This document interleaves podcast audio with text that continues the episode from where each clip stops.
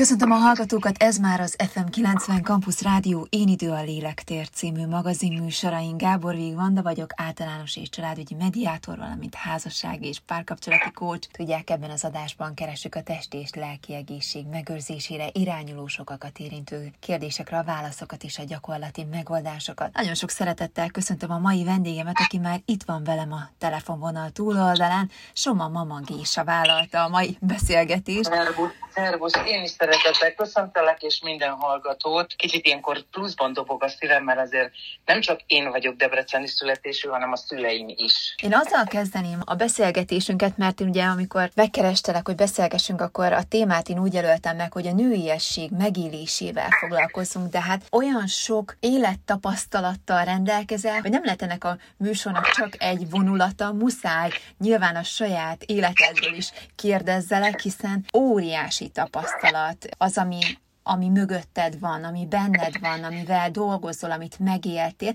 De induljunk már el onnan, ha már a megélést, hogy most, ha én jól tudom, akkor azt a megszólítást szereted, hogy somíta. Ez se véletlen, hogy miért pont ez a megszólítás, és hogy hogy vállalja az ember azt, hogy, hogy hogyan szólítják, mert hogy azzal már elfogad valamit, azzal már megért valamit. Szerintem a somita mögött is van egy ilyen fajta lelkület. Hát ugye ez halljuk, hogy egy ilyen mexikói csengésű név, és nekem olyan erős a kötődésem Mexikóhoz, és ahhoz a szellemiséghez, amit ott kaptam, már ezelőtt 20 évvel, mennyi is volt, 22-3, nem tudom, pontosan az első utamon ott én hitet kaptam, a mexikói Szuzanya Guadalupe által, és aztán azóta még kétszer mentem vissza. Az utolsó élményemkor pedig eh, elmentem a világ legnagyobb, legnevezetesebb, ilyen mágikus gombázó helyére, ez egy szent hely, amit eh, még a, a mexikóiak előtti toltékok, tehát az ős indiánok is úgy tartották, hogy ott lakik a gomba szelleme. És én ott egy nagyon komoly beavatást kaptam, és eh, már 20 évvel ezelőtt, a második utam, a harmadik, mindegyiknél éreztem, mintha haza jön Nick.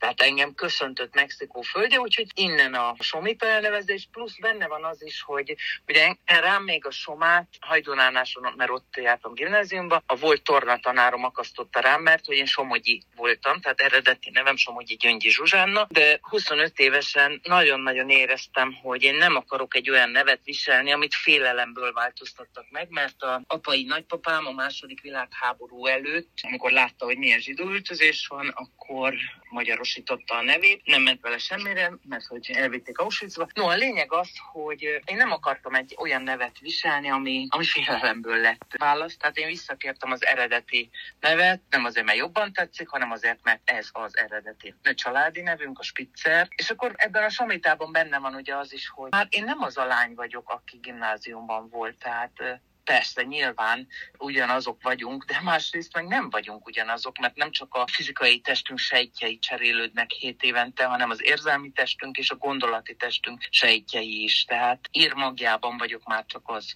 aki voltam. Azt mondtad az előbb, hogy köszöntött Mexikó, és hogy beavatást kaptál, de az, hogy valójában neked mi az életfeladatod, hogy milyen tervel jöttél ide, azt még ha én jól tudom, akkor te magad is volt, hogy elutasítottad, vagy nem hitted el, hogy neked valóban tanítanod kell az embereket, vagy, vagy segítened őket a saját útjukban, vagy önismeretükben. Hát igen, volt egy ilyen időszak, amikor nagyon-nagyon ragaszkodtam ahhoz, hogy én most nagyon idézőjelbe teszem a csakot, hogy én csak művésznő vagyok, leszek, és ezt nagyon nehezen engedtem el, és emlékszem, amikor az első komoly asztrológiai képlet elkészítés előtt, még 30-as éveim előtt az első asztrológus azt mondta, hogy ennek egy gyógyító tanító szolgálatod van, ez a fő feladatod, akkor így legyintettem. Aztán 5-6 év múlva elkerültem egy másik. Az is ezt mondta, még akkor is legyintettem, és mondtam, hogy ah, ezek egy iskolát tanulnak, hagyjuk. Tehát el kellett fogadni, de aztán meg kellett, hogy lássam, hogy ez az út elképesztően nyílik, adja magát, és hogy szeretem és hogy nagyon-nagyon szeretem. Párkányban volt előadásom, tehát hihetetlen öröm. Fel is tettem a Insta és Facebook oldalamra ott tapsoló közönséget, mert úgy emelni, és egyre jobban ez izgat, hogy nevettessél közben, hogy eljuttasd az emberekhez a felszabadulás, önalfogadásból fakadó felszabadulás örömét, hát az rád is visszacsapódik, és, és nagyon-nagyon lélekemelő és feltöltő, tehát nekem is, és a közönségnek is. Tehát utána még ott maradtam körülbelül másfél órát, csak dedikálás, fotózkodás, utána beszélgetés, ölelkezve megyünk el, tehát idegen emberek és olyan ölelések, szóval nagyon szeretem ezt a munkámat, de amellett most mégis egy ilyen korszakváltásban vagyok, mert most mint, nem is azt mondanám, mint sorsfeladat, hanem mint egy, igen, de egyfajta életfeladat az izgat, hogy, hogy az egész karakter kereket tudjam pörgetni. És akkor itt egy kicsi elmélet, hogy mi is az, hogy karakterkerék, 12 alapkarakterünk van. Átlagosan 2-3-at használnak az emberek ebből a 12-ből, és én azt vettem fejbe, hogy én a teljes karakterkereket szeretném pörgetni. Ezt úgy képzeld el, mint egy kerék, ami a, itt a fönt a homlokod magasságában van, és amelyik karaktered éppen itt beáll középre, itt a harmadik szem, kis mágikus kis mirigyecskéhez, az a karakter dominál. Ugye ezek a művész, gyógyító, tanító, a tudós, mágus, mágnás, kereskedő, harcos, pap, király, bíró, és hát maga a cselekvőember, ez egyébként nem az én elméletem, ez a karakterelmélet, de nagyon-nagyon érzem, és nagyon-nagyon élem. És most azt érzem, hogy egy váltásban is kell, hogy legyek. Most a gyógyító, tanító papnőt azt lentebb tekerem, és a, a művész kereskedőt pedig fentebb hozom. Ezek a karakterek de... egy életen belül változnak? Van, aki egy életen át dominánsan azt a karaktert képviseli, mondjuk ott a zseniális Nikola Tesla, aki, hát ő egy, ő egy tudós karakter volt, és hát egy mágus is, mert ő egy nagyon-nagyon korai spirituális forradalom volt, ugye 18. század második fele, ő már akkor megmondta, hogy minden energia és fényből vagyunk. 19. század vége, igen. 1899-ben ő már kijelentette, hogy minden fényből van, mi, és mi magunk is fényből vagyunk. Na ezt képzeld el, hogy én Mexikóban, ott a San Jose de Pacifico, azon a szent helyen konkrétan láttam láttam, amikor lehúnytam a szemem, ki kellett, hogy nyissam, mert, mert azt éreztem azt a vakító fényt, ami jön belülről, nem bírom el. És hát látni azt, hogy minden mintázatokból áll. Fátylakra bomlik az ég, és minden egy mandala, és a fák fénylő szálakon kapcsolódnak egymáshoz, és ők is mandalát alkotnak, és az egész univerzum be van hálózva. Ő például a tudós karaktert használta dominánsan. Vagy hát nagyon sok hatalmas lángelme van, aki marad egy karakterben, egy, egy, egy Liszt Ferenc, hát mondjuk ő tanított is, ugye, művész is volt, tanító is volt, és hát végül is tudós is volt, hiszen rengeteg zeneelméletet tanult. A tudós karakter ugye az, aki gyűjti be az információkat, de azért dominánsan mondjuk ő az életét művész karakterben élte. Csak hogy ilyen nagy neveket említsek, hogy érthetőbb legyen a példa. Mi volt az a pont, amikor azt mondtad, hogy jó, akkor jöjjön az a feladat, akkor elfogadom, ha már mondják, tapasztalom, nyílik a kapu, mikor hitted el? 2004 volt ez a domináns év, pontosan tudom, hogy mi volt. 2003 őszén elindult a Megasztár, és év végén, még ez év végén, közvetlen az indulás után felkeresett a Nőklapja Café, hogy szeretnénk, hogy ott legyen rovatom. Hát minden egyszerre zúdult rám. Először elutasítottam őket, aztán másodjára is, és harmadjára meg azt mondtam, jó, hát ha ennyire akarják, akkor csinálok valamit. És akkor úgy arra gondoltam, hogy végül is válaszleveleket írok, legyen Soma Mag és a válaszol a neve, mert hát kiskoromtól állandóan így szeretik a tanácsomat kérni, annyira sokat csináltam már privátban a saját életemben, hogy azt mondtam, jó, akkor legyen, de arra nem számítottam, hogy ez ennyire sikeres lesz. Dörömbölt az egész, tehát maga a Nőklapja Café az akkor induló, ma már ugye az egyik legnépszerűbb ilyen női szájt Magyarországon, is meglepődött a sikeren, úgyhogy az első két könyvemet ők adták ki, mert annyira mentek a válaszlevelek, hogy, hogy akkor ezt könyvben is kiadták, azok is mentek, utána én átmentem a Jafa kiadóhoz. No mindegy, nem is ez a lényeg, hanem ott szembesülni, ugye itt internet, online média az azt jelenti, hogy itt klikkelése pontosan, dekára pontosan tudják, hogy hányan töltötték le a cikket, de nem kell szonda ipsus, ami felülméri, hogy mennyire szeretik, hanem azonnal látja a szerkesztő, főszerkesztő is, és hát ezzel párhuzamosan pedig a zenei út pedig zárult be, úgyhogy mondhatni irreális volt, amennyire bezárult, és legalább annyira meglepett, hogy az zárul be, mint amennyire meglepett, hogy ez nyílik ki, és akkor egész egyszerűen azt kell, hogy mondjam, mint egy ilyen felismerést, amikor konkrétan a 2005-ben megjelent CD-mnek a havi eladási számát láttam, úgy, hogy annyi reklám volt mögötte, és olyan fantasztikus zenészek, emlékszem, a Somló Tamás is, te nyugosztalja, akkor azt mondta, hogy Soma, ez most a legjobb ilyen popos jazzes zenekar Magyarországon, és hiába Tehát amikor nem, nem érted, hogy észérvekkel ez miért nem megy, és a másik meg miért megy ennyire, akkor egyszerűen oda beletolja az arcodba az élet, hogy hé, hey, vedd már észre, erre van az út, nem arra. Úgyhogy ez így ilyen egyszerűen történt. Ha nekem nem lett volna olyan nehéz a gyerekkorom, és nem lett volna olyan nehéz nekem lenni, akkor én nem lehettem volna hiteles tanító. Egyik nehézséget az adta, hogy a szüleim olyan háborúban éltek, ez a legjobb szó, egymással. Ezt talán úgy tudom legjobban kifejezni, hogy a krónikus bronhitiszem, krónikus légcsőorútom akkor múlt el, amikor ők elváltak. Tehát el lehet képzelni, hogy milyen fullasztó volt az a gyerekkor, ahol konkrétan végig ugat ugattam, az azt, mert a, a bronhitizat nem, nem, az már nem is köhögés, az ugatás. Tehát én nem lehettem bölcsődés, nem lehettem óvodás a, a légcsőúrutam miatt, közösségi életre alkalmatlannak nyilvánítottak, és 16 évesen, ahogy elváltak a szüleim, mintha elvágták volna, ott véget ért. Tehát ez volt az egyik, ami azért egy nagyon kemény, nehéz menet volt, és folyamatosan antibiotikumoztak. Tehát én akkor még nem foglalkoztak azzal, hogy bélflóra, meg hogy nem jó ennyi antibiotikum. Egy hónap telt el maximum az antibiotikum antibiotikum kuráim között. No, ez az egyik, ami miatt nehéz volt a másik, hogy én egy elképesztően szép anya mellett nőttem föl, tényleg minden elfogultság nélkül. Debrecen egyik legszebb lányának tartották őt meg a hugát, és itt most egy picit dicsekszem is vele. Annak idején volt a 60-as években a József Attila színpad Debrecenben, ahol ő maga is kvázi amatőr színjátszó volt, és maga Latinovics is udvarolt neki, tehát egy páratlanul szép nő volt. És hát valahogy így, így születésemtől éreztetve lett, hogy hát egyrészt ugye fiúnak vártak,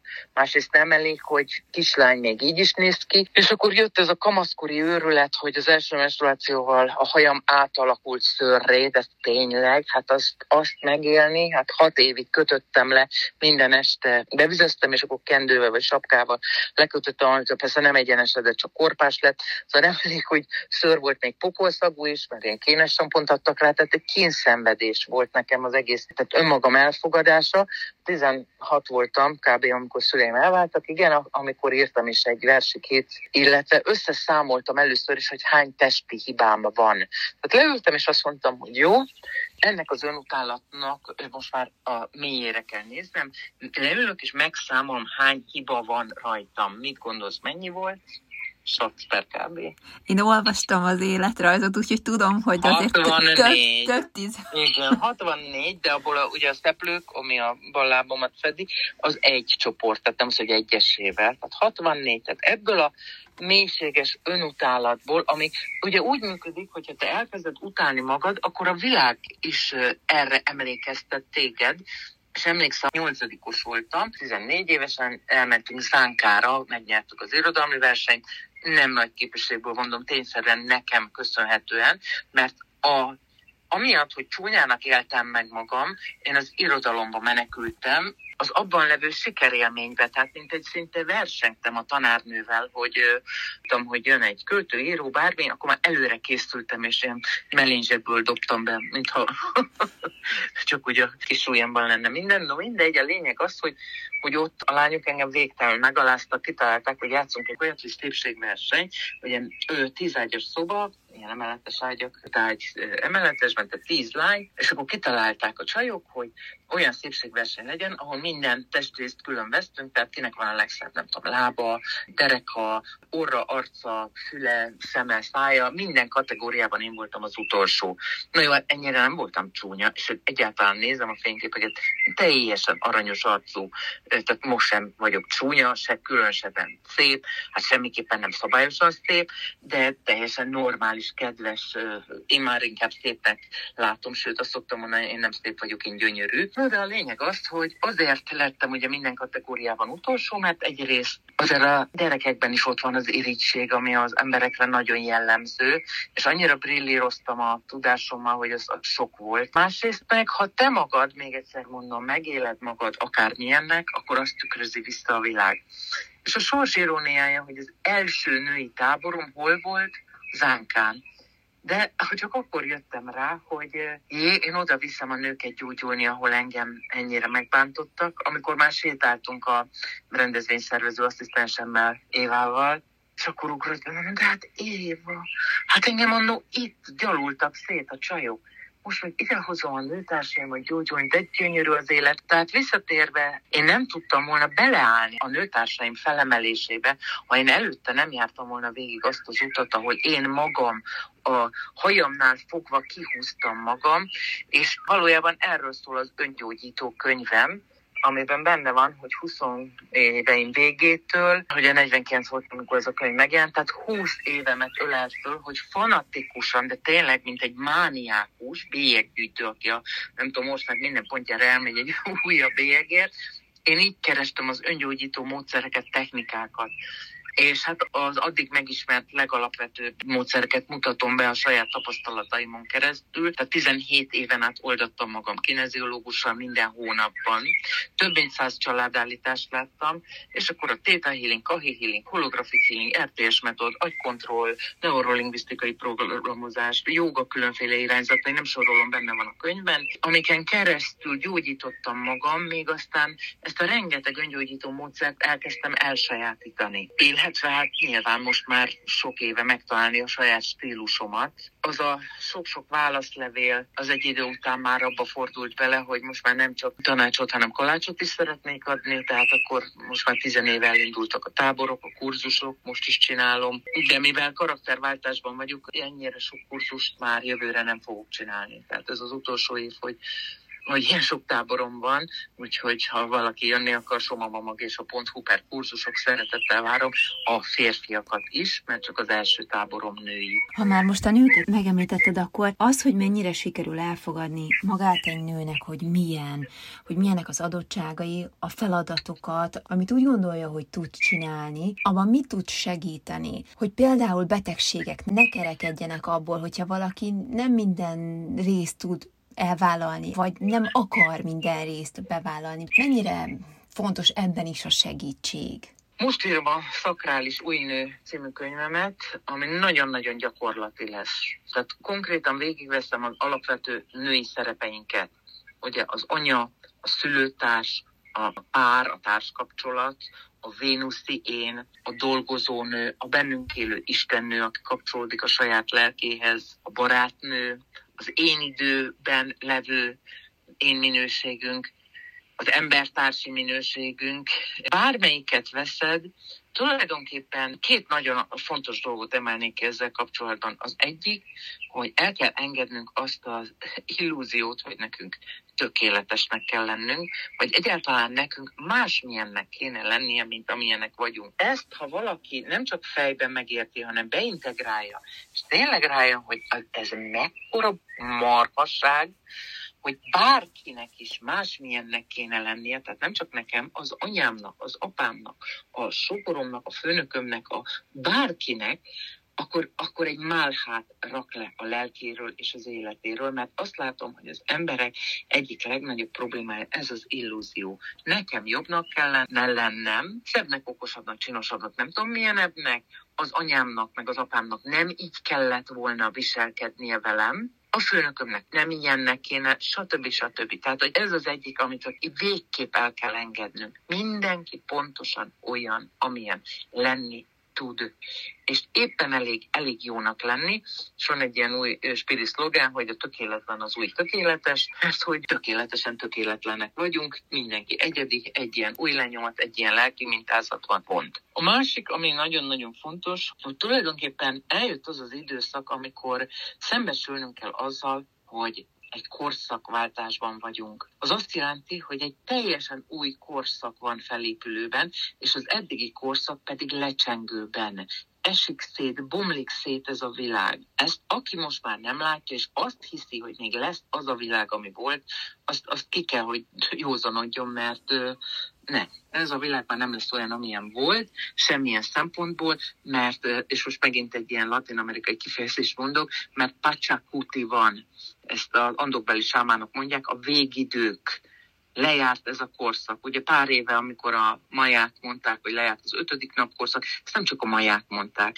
A Rudolf Steiner antropozófia is, ugye sárkorszak, vaskorszaknak hívta. Teljesen mindegy, milyen irányban nézünk, lejárt, róban van ez a korszak. Új nő, új férfi, új ember születik. Az új ember lényegisége az, hogy meg kell, hogy gyógyítsuk a sebeinket, ki kell, hogy tisztítsuk a különféle testeinket, a fizikai, az energia, az érzelmi, a gondolati testeinket, és be kell, hogy álljunk a tengelybe. Ugye három dimenzió mit jelent? Azt jelenti, hogy függőleges dimenzió, az a, összekötöm az eget a földdel, ugye, ahogy Vörös Sándor írta, te vagy a létre a föld és az ég között, tehát szellem vagyok, aki beszületik az anyagba, és ennek a kereszteződéséből lesz az én egyéni lelkem. Ennek a keresztnek a középpontja az maga a szív, a szívtér, tehát minden, ezen a bolygón minden a szeretet, ez a fejlettség vagy fejlődés és a cél maga, hogy eljussak önmagam feltétel nélküli szereteték. És akkor a vízszintesség az, mint amikor egy ember, aki össze van téve a lábad, állsz, és kinyitod karjaidat vízszintesbe, és már is ott van az ember kereszt, és ez a vízszintesség, amit magam elé rakok, ez ugye a szerepeim az élet színpadán. Ez a vízszintesség. Tehát eh, ez egy játszótér, ez egy színház, hát már Shakespeare közel 500 éve leért a színész minden nő és férfi,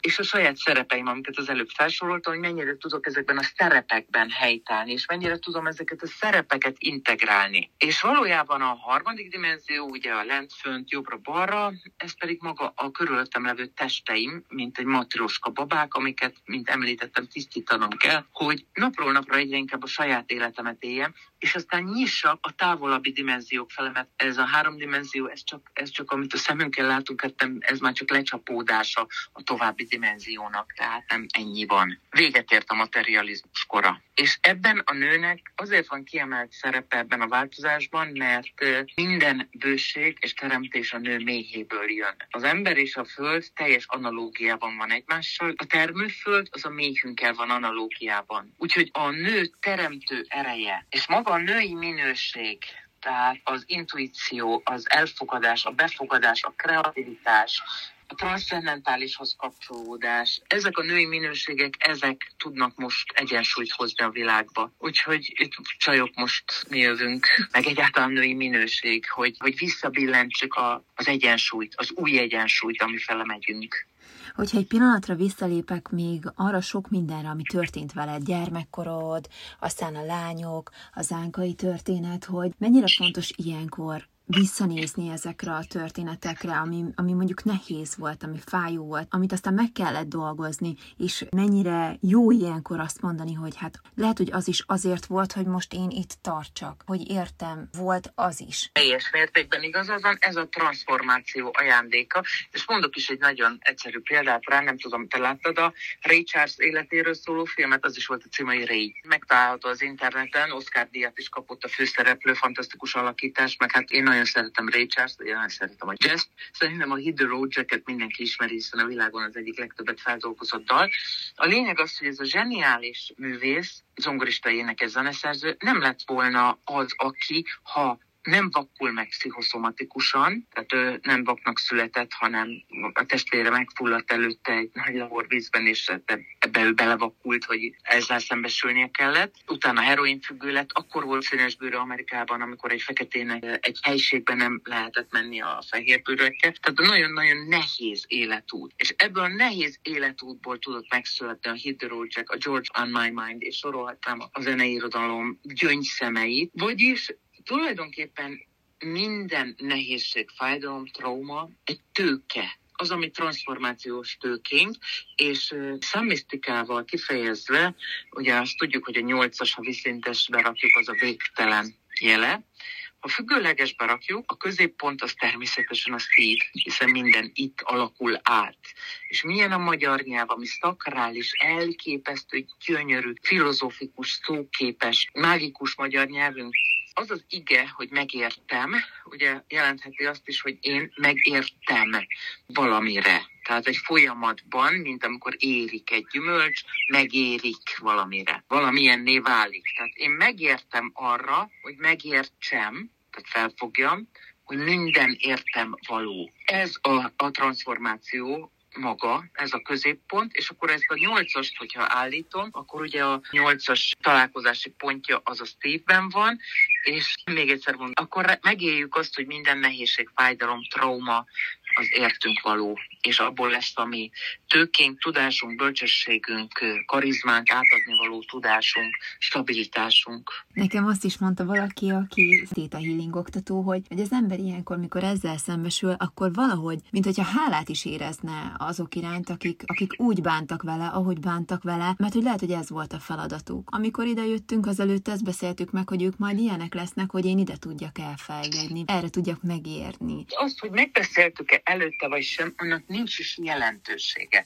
Lehet, hogy úgy van, lehet, hogy nincs, de nem véletlen, te, akit én szintén hallom a kérdéseikről, megérzem, hogy spirituális beállítottságú vagy, de pontosan tudod, hogy nem véletlen olyan divatos ma a hála, mert a hála már azt jelenti, hogy akkor már beintegráltam valamit. Éppen ezért nem a megbocsátás a jó, erőteljesebb a megbocsátásnál is a megértés. Hogy megértem a másikat, tehát tett velem valami olyat, ami fájt nekem, ami rossz volt, nem megbocsátok neki, mert az még mindig egy ilyen, van benne egy ilyen alapfölé rendeltség. Na, én olyan nagy vonalú vagyok, hogy én megteszem be azt a gesztust, hogy megbocsátok, nem? Hagyjuk a megbocsátást. Annak is van helye persze, de sokkal erősebb, amikor eljött oda, hogy, hogy megértem, hogy ja, bennem is volt egy mintázat, ami miatt én ezt meg kellett, hogy éljem és ő megtette a dolgát. Ha nem ő teszi, akkor más teszi. Nekem erre a tapasztalatra szükségem volt, tehát hálás vagyok. Szerinted, hogyha te akkor nem állsz, úgymond kötélnek, és nem állsz bele ebbe a dologba teljes szívvel, lélekkel, akkor merre vezetett volna az út? Vagy hányszor fordítottak volna vissza, hogy de itt van a helyed? Addig fordítanak vissza, amíg arra nem fordulsz, amerre az utad van. A legdurvább, amikor már eltörik a bokád, ugye ebben a boka pont az irányváltásnak a területe te, vagy elszakad az inszalagod, eltörik a lábad, de mondjuk a boka sérülés, az, az aztán tényleg felveti a kérdést, hogy akkor erre van az én utam, jó fele megyek. Tehát még baleset nem ér, bele nem betegszel.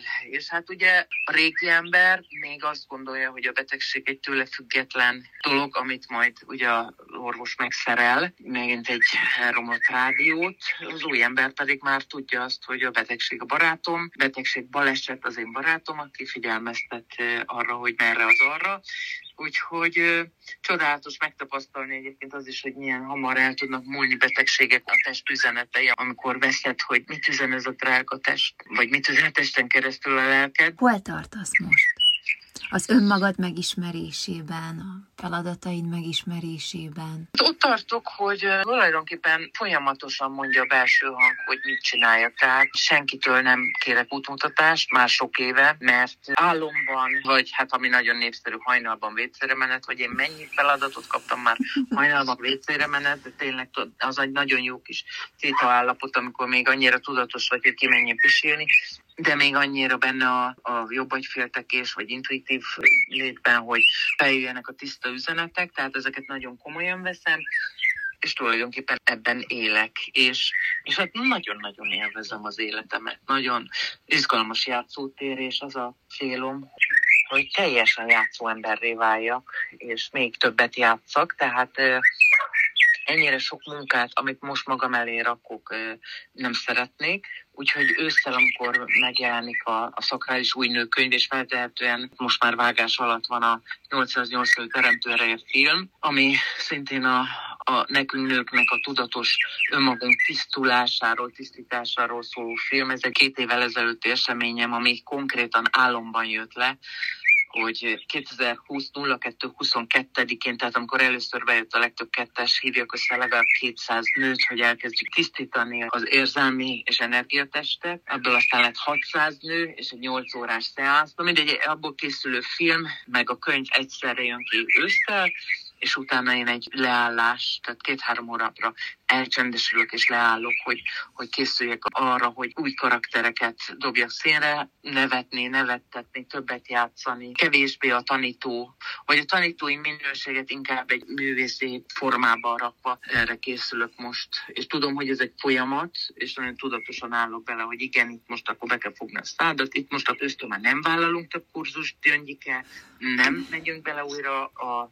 gyógyító tanító minőségbe, hanem szépen el fog vonulni, és művészettel töltöm magam, illetve hát csendem, mert ez a rengeteg uh, információs pörgés, amit begyűjtöttem, hát ebből most le kell állni, és idő még lebomlik. Pont ezt akartam kérdezni, hogy tudsz te olyat, hogy, hogy megállni egy kicsit, vagy amikor megállsz is azért, odabent megy a munka? A transzállapotokban tudok a legjobban leállni.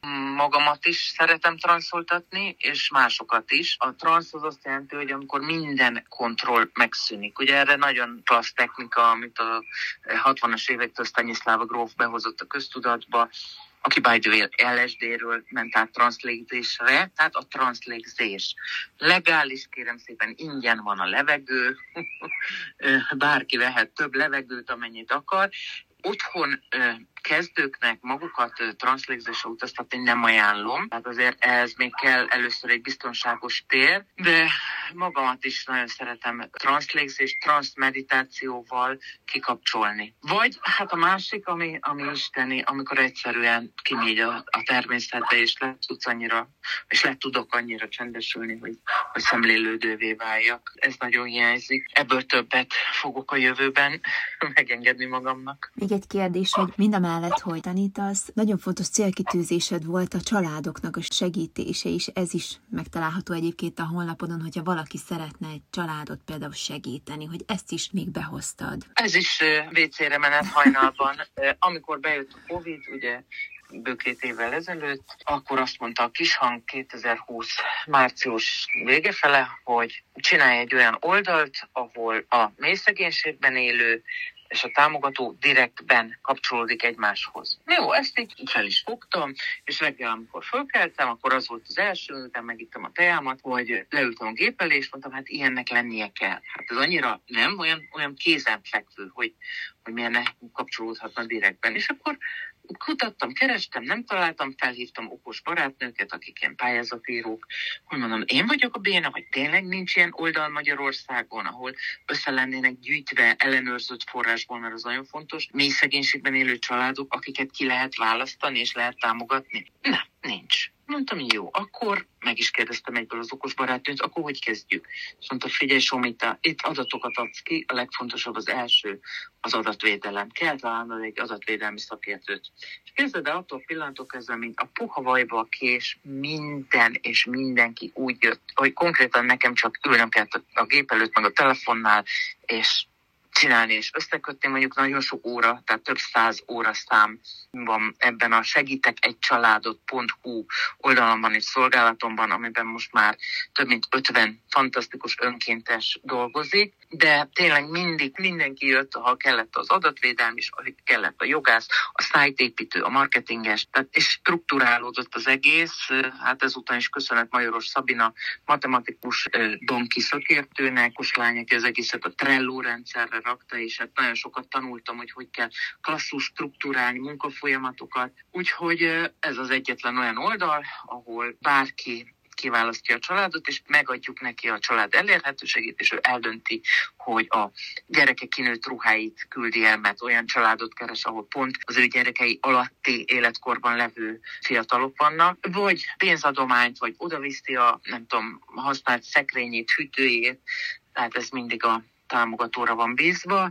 Mi fölvettük az ország családsegítő központjaival a kapcsolatot, erre is vannak önkéntesek, akik leellenőrzik, mert ugye kell egy visszajelzés, hogy igen, ők tényleg megbízható törekvő család, valóban rászorultak, és így módon ez is működik, és hát akkor van ez a csapatom, meg van a, most már hat éves lesz az új egyensúly.hu csapatom, ami szintén egy, egy nagyszerű, most már ott is több mint 40-50 szerző már alig tudom követni, és akkor én ezeknek a csapatoknak szoktam találkozót tartani magamnál, vagy elvonulásokat, tehát csapatot is építek közben, mellette meg ugye a táborok, a könyveim, tehát nagyon sok, sok minden ez egyben, és hát mellett a családom, a lányom idén házasodik, arra is nagyon készülök, én szervezem az egész esküvőt, úgyhogy szép sűrű gazdag élet, hálás vagyok érte, de ha egyébként bárki kíváncsi arra, hogy mik ezek az oldalak, meg mit csinálok, ha felmegy az én személyes oldalamra, somamamagésa.hu oldalra, akkor ott megtalálja az eseményeket, a kurzusokat, és azonnal meglátja a további oldalaimat, a segítek egy családot.hu-t, az új kör oldalt, mert csináltam egy új core.net szájtot is, aminek az volt a célja, hogy vissza kell térnünk az évkör dinamikájához, amiben minden korban, minden időben ugye tudták a régi emberek is, hogy, hogy a természet körforgása adja a rendet, amihez vissza kell térnünk, aminek a négy sarkalatos pontja a két napi egyenlőség és a két napforduló. És akkor erre felépítettem egy online, illetve élő kurzus sorozatot, amiből pedig online csomagokat, tehát megvehető tudásokat raktunk össze Barok Eszter kolléganőmmel. Tehát ez is egy nagy projektem ebben az évben, szinte ez, ez volt a könyvírás mellett az egyik legnagyobb munkám. Az új, új kör, az évkör szellemiségére való ráhangolódás, és hát a, az új egyensúly Úgyhogy új kör, új egyensúly, segítek egy családot, hát ez rengeteg feladat, folyamatos feladat. Nagyon örülök, hogy egy kicsit beleláthattunk így a, azt mondom, hogy a mindennapokban, vagy a, a gondolataidba és a feladataidba. Köszönöm szépen, hogy itt voltál, és egy kicsit beszélgethettünk veled, és én nagyon sok sikert kívánok ez a sok feladatnak a megvalósításához. Nagyon-nagyon szépen köszönöm, és hát búcsúzóul annyit üzenek minden hallgatónak, nem csak a debrecenieknek, hanem mindenkinek, aki hallgatja, hogy, hogy, hogy elég jók vagyunk, hogy, hogy tényleg annyira, ez is csak egy döntés, hogy, hogy én elfogadom, sőt, szeretem magam. Úgyhogy puszilok mindenkit, és köszönöm a nagyszerű kérdéseket. Kedves hallgatók, ennyi volt már az Én idő a lélektér című magazinműsor itt az FM 90 Campus Rádión. Hogyha lemaradtak a beszélgetésről, de szeretnék visszahallgatni, akkor a Spotify-on, az Én idő a lélektér Facebook oldalán és a YouTube csatornánkon is megtehetik, és tartsanak velünk egy hét múlva is, én így leszek, és várom Önöket. További kellemes rádiózást kíván a szerkesztő műsorvezető Gábor Végbanda.